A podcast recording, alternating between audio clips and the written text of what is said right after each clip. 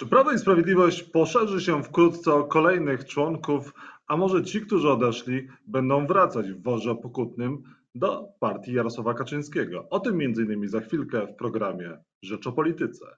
Jacek Nizinkiewicz, zapraszam. Państwa i moim gościem jest pan Zbigniew Giżyński, e, poseł koła Polska, e, Polskie Sprawy, były poseł Prawa i Sprawiedliwości. Dzień dobry, panie pośle. Kłaniam się, dzień dobry. Wraca pan do Prawa i Sprawiedliwości? Nie.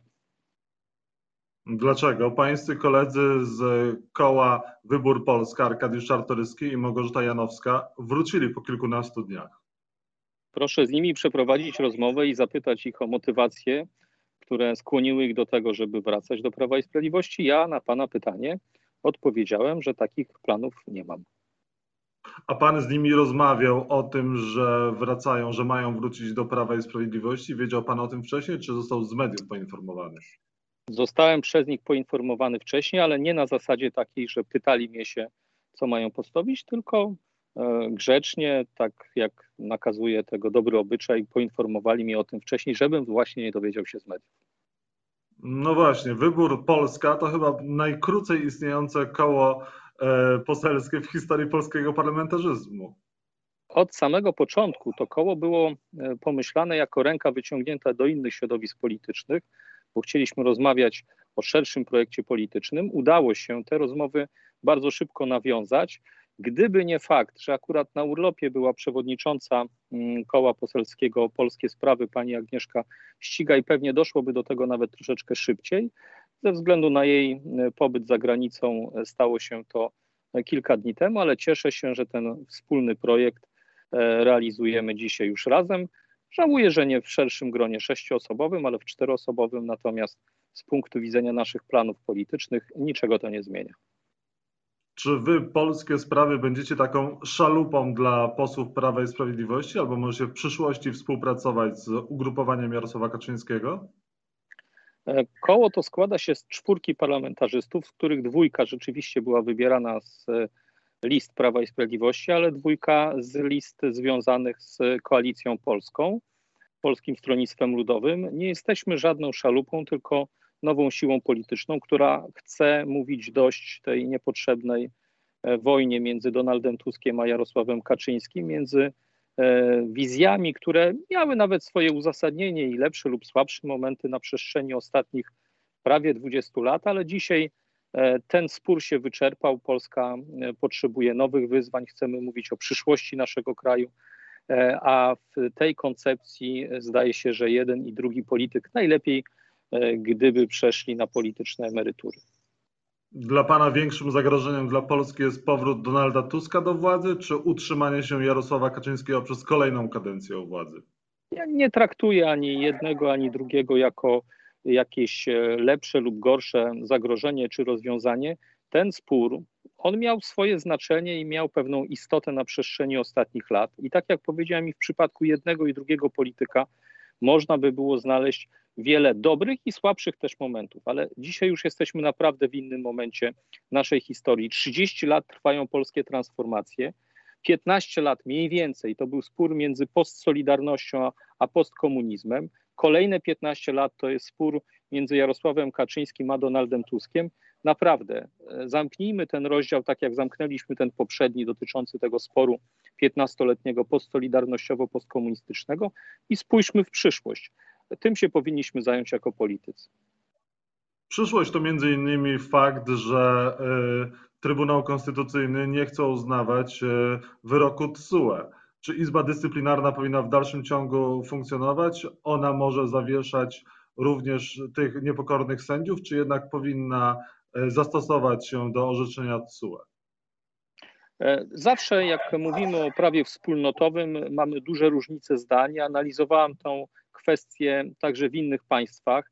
E, zwłaszcza silna jest pozycja Trybunału Konstytucyjnego w Niemczech, gdzie e, podważane są liczne decyzje podejmowane przez organy wspólnotowe. U nas pewnie nie byłoby tego sporu, gdyby nie fakt, że jest konflikt wokół uznawania w ogóle orzeczeń Trybunału Konstytucyjnego, który zupełnie niepotrzebnie naszą debatę polityczną podzielił jakiś czas temu, z całą pewnością musimy zerknąć do litery konstytucji. A litera konstytucji, litera podkreślam, nie duch w tym wypadku, mówi wyraźnie, że pierwszeństwo mają ratyfikowane przez polskie umowy międzynarodowe i konstytucja.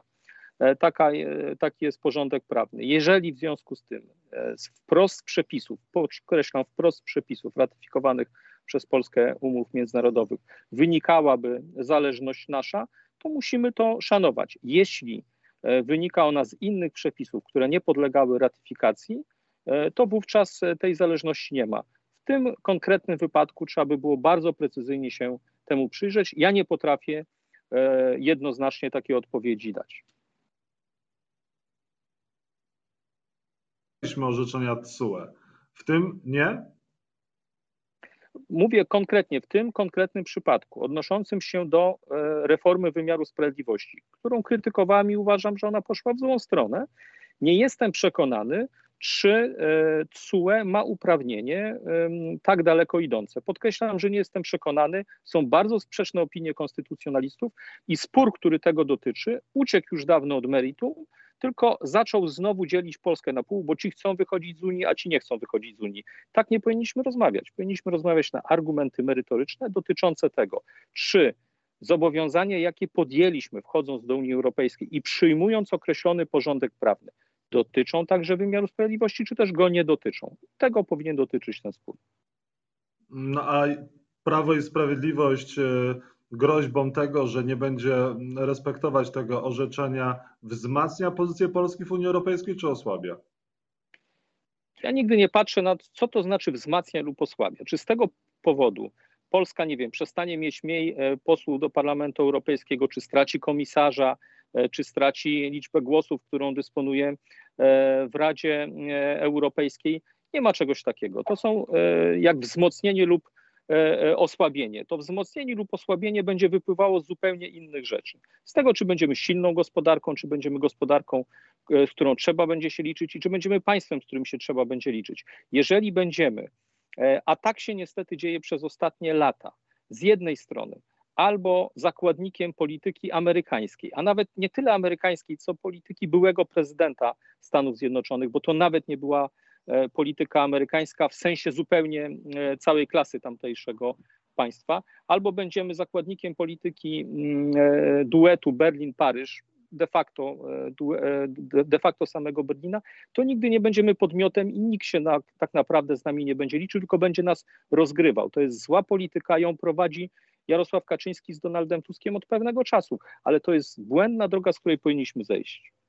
No ale pan nie miał absmaku patrząc na zachowanie e, Stanisława Piotrowicza w Trybunale Konstytucyjnym, który chociażby odebrał głos przedstawicieli, przedstawicielowi Rzecznika Praw Obywatelskich, nie chciał słuchać jego argumentów? Oczywiście, że miałem, nigdy do takich rzeczy nie powinno dochodzić.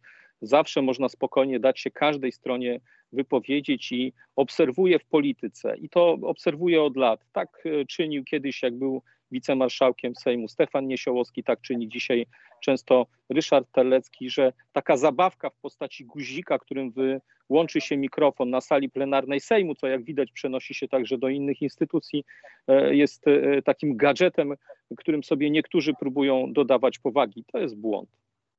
No ale może Stanisław Piotrowicz nigdy nie powinien być sędzią Trybunału Konstytucyjnego jako poseł Prawa i Sprawiedliwości. Przesiadł się z funkcji właśnie posła e, przedstawiciela partii władzy na fotel trybu, e, sędziego Trybunału. Gdzie tu bezstronność, gdzie tu obiektywizm? Uczestniczyłem przez w sumie cztery kadencje, jak zasiadam w parlamencie, w wielu wyborach członków e, Trybunału Konstytucyjnego i niestety E, w przypadku wielu z nich różne partie polityczne parlamentarzystów zgłaszały i argument tego typu e, zawsze tylko strona przeciwna e, składała. Pamiętam, jak byli wybierani do Trybunału Konstytucyjnego posłowie, wicemarszałek Sejmu z Ligi Polskich Rodzin, jak byli wybierani senatorowie z Platformy Obywatelskiej, wcześniej to już z historii z SLD, wszystkie partie korzystają z tych zasobów E, personalnych, e, jakie posiadają, e, i kierowanie do Trybunału Konstytucyjnego czynnych polityków, zarówno w Polsce, ale także w innych państwach e, Unii Europejskiej, że Niemcy, wspomnę, bo tam również taka sytuacja ma miejsce, nie jest zjawiskiem jakimś specjalnie zaskakującym i argument, że nie powinni, no Sejm wybiera i ma do tego kompetencje, ma do tego uprawnienie. To, czy powinni, czy nie, jest zawsze oceną polityczną. No ale ma pan takie poczucie, że Stanisław Piotrowicz jest wartością dodaną dla Trybunału Konstytucyjnego? E, no po tym ostatnim właśnie niestety nie mam. Ja szanuję go, bo to jest e, prawnik, którego znam jeszcze z pracy w parlamencie. Człowiek bardzo sympatyczny osobiście, to mogę powiedzieć, zresztą jak większość polityków e, osobiście przeze mnie poznanych. Natomiast tego typu działania, jak te ostatnie, nie przynoszą, nie podnoszą powagi Izby, w której zasiada i ja zawsze apeluję, aby y, abstrahując od jakichkolwiek różnic politycznych czy różnic w ocenie merytorycznej, zachowywać pewne standardy, które będą po, po, pra, sprawiały, że ta debata publiczna będzie lepsza.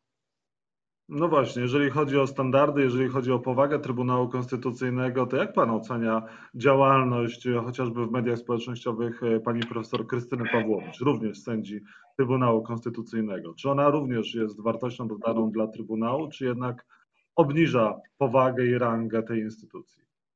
Ja pamiętam, jak e, pani profesor wchodziła w skład Trybunału, to deklarowała wówczas, że wycofa się z mediów społecznościowych ze względu na to, że nie powinno to mm, burzyć pracy, jaką podejmuje. Jak widać, to było silniejsze od niej. To jest zbyteczna aktywność. Generalnie uważam, że przedstawiciele wymiaru sprawiedliwości, e, zwłaszcza ci, którzy rozstrzygają jakieś sprawy, bo co innego adwokaci, e, którzy są stronami w e, konflikcie, ale ci, którzy rozstrzygają jakieś sprawy mm, albo mają pewną władzę, pieczę nad powierzonymi im sprawami, a więc prokuratorzy, sędziowie, bez względu na to, czy to są sędziowie gdzieś tam na dole w sądzie e, rejonowym czy rodzinnym, czy też są sędziami w Trybunale e, Konstytucyjnym, nie powinni tego typu aktywności politycznej w mediach społecznościowych prowadzić nie ze względu nawet na to, że ona nie licuje z urzędem, który pełnią, ale ona będzie chcąc, nie chcąc zawsze rzutowała na coś, co powinno być ich troską, a mianowicie na pewną bezstronność, wchodzenie w związku z tym w jakiekolwiek polemiki e, poprzez media społecznościowe, e, na pewno powadze ich urzędów nie, e, nie dodaje jakiegoś większego realnego smaku. No dobrze, panie pośle, jak się skończy spór z, z Unią Europejską, jak się skończy ten, ta sprawa z CUE? Bo może chyba się skończyć na tym, że jednak y, Polska części unijnych pieniędzy nie dostanie. I to też może wpłynąć na realizację chociażby Polskiego Ładu.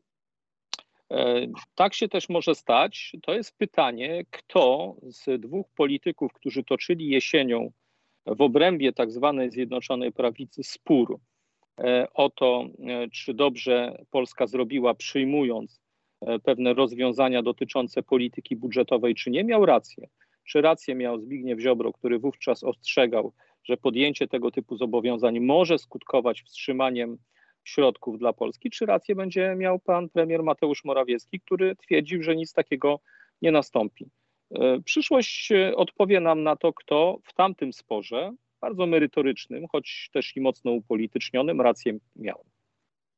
Mhm. Panie pośle, jeżeli chodzi o Stany Zjednoczone, o których Pan wspomniał, rzeczywiście powinna zostać wprowadzona e, nowelizacja ustawy o radiofonii i telewizji i TVN powinien sprzedać e, znaczną część swoich udziałów, jak chce na przykład Marek Suski, który zapowiada, że władza powinna mieć wpływ na stację TVN24 chociażby. Nie sądzę, aby do tego doszło, a z całą pewnością dojść nie powinno. E, media powinny mieć charakter niezależny, jakiekolwiek wpływanie na media poza tym medium, które w naturalny sposób jest w rękach władzy takiej lub innej, mam na myśli media publiczne, bo dopóty, dopóki one będą funkcjonowały, to władza taka lub inna będzie na nie wpływ miała. E, to jest kwestią zupełnie otwartą, czy powinna, w jakim zakresie, jak to powinno być realizowane, ale zostawmy to na boku.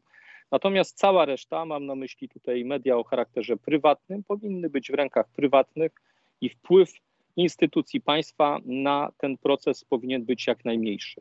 idea, a taka de facto idea przyświeca temu projektowi, żeby wymusić na jakimś e, zagranicznym koncernie medialnym, aby musiał, bo nie miałby wyjścia prawnego, sprzedać udziały w tych mediach, a kupić je by mogły na przykład spółki Skarbu Państwa, jest nie tylko niesłuszne, ale przede wszystkim też krótkowzroczne, bo to skoncentruje władzę nad mediami, tak jak to zrobiono w przypadku Media Press i tych tak zwanych gazet regionalnych, w rękach de facto władzy, która prędzej czy później się zmieni, więc ktoś, kto tego typu operacji dokonuje, pomijając fakt, że nie powinien tego robić, bo to z gruntu rzeczy jest złe, jest też krótkowzroczny, bo wystarczy, że do władzy dojdzie inna formacja polityczna, która wtedy przejmie kontrolę i nad mediami publicznymi, bo to naturalne, nie jest to e, nic zaskakującego, ale przejmie także kontrolę nad znaczącym pakietem e, mediów prywatnych, które do tej pory były w rękach kapitału rozproszonego. E, próba załatwiania wszystko rękoma wielkich państwowych firm jest naprawdę de facto szkodzeniem czemuś, o co się de facto kiedyś walczyło w Prawie i Sprawiedliwości, czyli pluralizmowi, bo to spowoduje, że jak się kartka wyborcza odwróci, ona się odwróci prędzej czy później, nic nie jest wieczne, to ktoś w pakiecie dostanie nie tylko władzę, nie tylko media publiczne, ale także znaczący udział kreowaniu polityki przez media prywatne. To jest błąd. Pomijam już zupełnie fakt, że w czasach mediów elektronicznych, gdzie można sobie tak jak ja usiąść na e, tarasie i poprzez telefon E, komórkowy, rozmawiać z dziennikarzem, który może prowadzić e, własny program, nadawać go dzięki swojej popularności w różnych formułach na cały świat, jest w ogóle oderwaniem od jakiejkolwiek rzeczywistości, myślenie schematami XX wieku. Jesteśmy w wieku XXI, to najlepszy dowód na to, że ten spór, jaki toczy między sobą Jarosław Kaczyński z Donaldem Tuskiem, e, jest już zupełnie oderwany od realiów ten, e, ta sprawa TVN-u e, i ataku PiSu na TVN pokazuje, że władza oderwała się od rzeczywistości i wycofa się z tego projektu ostatecznie? Moim zdaniem ten projekt od początku był skazany na porażki i on jest te, pewnego rodzaju taką e, kartą w grze, a mianowicie jest wielki projekt, na którym zależy Prawo i Sprawiedliwości, polityka Nowego Ładu. Ja odszedłem z Prawa i Sprawiedliwości krytykując pewne ważne założenia tego programu, e, które uderzają w mały i średni biznes, e, działając tylko na rzecz dużych korporacji i firm państwowych. Ale zostawmy to. W każdym razie na tym Prawu i Sprawiedliwości zależy, bo Jarosław Kaczyński żyje w błędnym przekonaniu, że dzięki temu e, jest w stanie odrobić straty polityczne i wygrać kolejne wybory. Mówię w błędnym przekonaniu, bo moim zdaniem nie jest.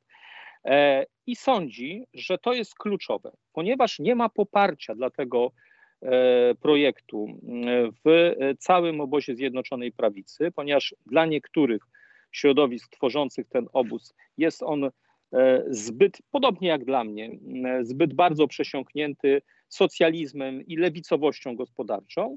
Stąd też Jarosław Kaczyński chce pozwolić im wyjść z twarzą w tym sporze i powiedzieć: Słuchajcie, mamy dwa pakiety na stole pakiet medialny i pakiet gospodarczy.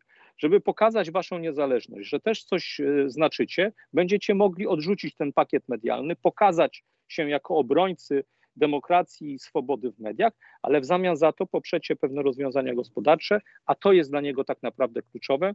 E, ta e, mityczna walka z TVN-em ma w tym wypadku służyć tylko dwóm rzeczom. Pierwsza kwestia to właśnie to, o czym powiedziałam, ma być zapewnienie większości dla polityki Nowego Ładu poprzez e, tą transakcję polityczną z częścią swojego obozu, a druga rzecz, pokazanie do swojego takiego najbardziej trwa, twardego elektoratu.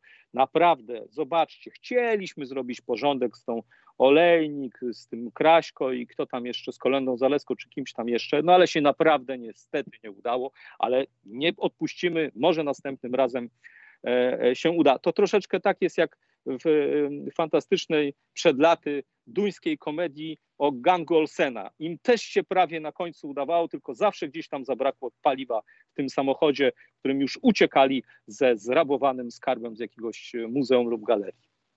Prawo i Sprawiedliwość jak gang Olsena na koniec musimy kończyć, bo inaczej ze mną tutaj też zrobią porządek. Zbigniew Giżyński, poseł koła Polskie Sprawy był Państwa i moim gościem. Bardzo dziękuję za rozmowę. Dobrego dnia. Kłaniam się wzajemnie. Pozdrawiam z Torunia.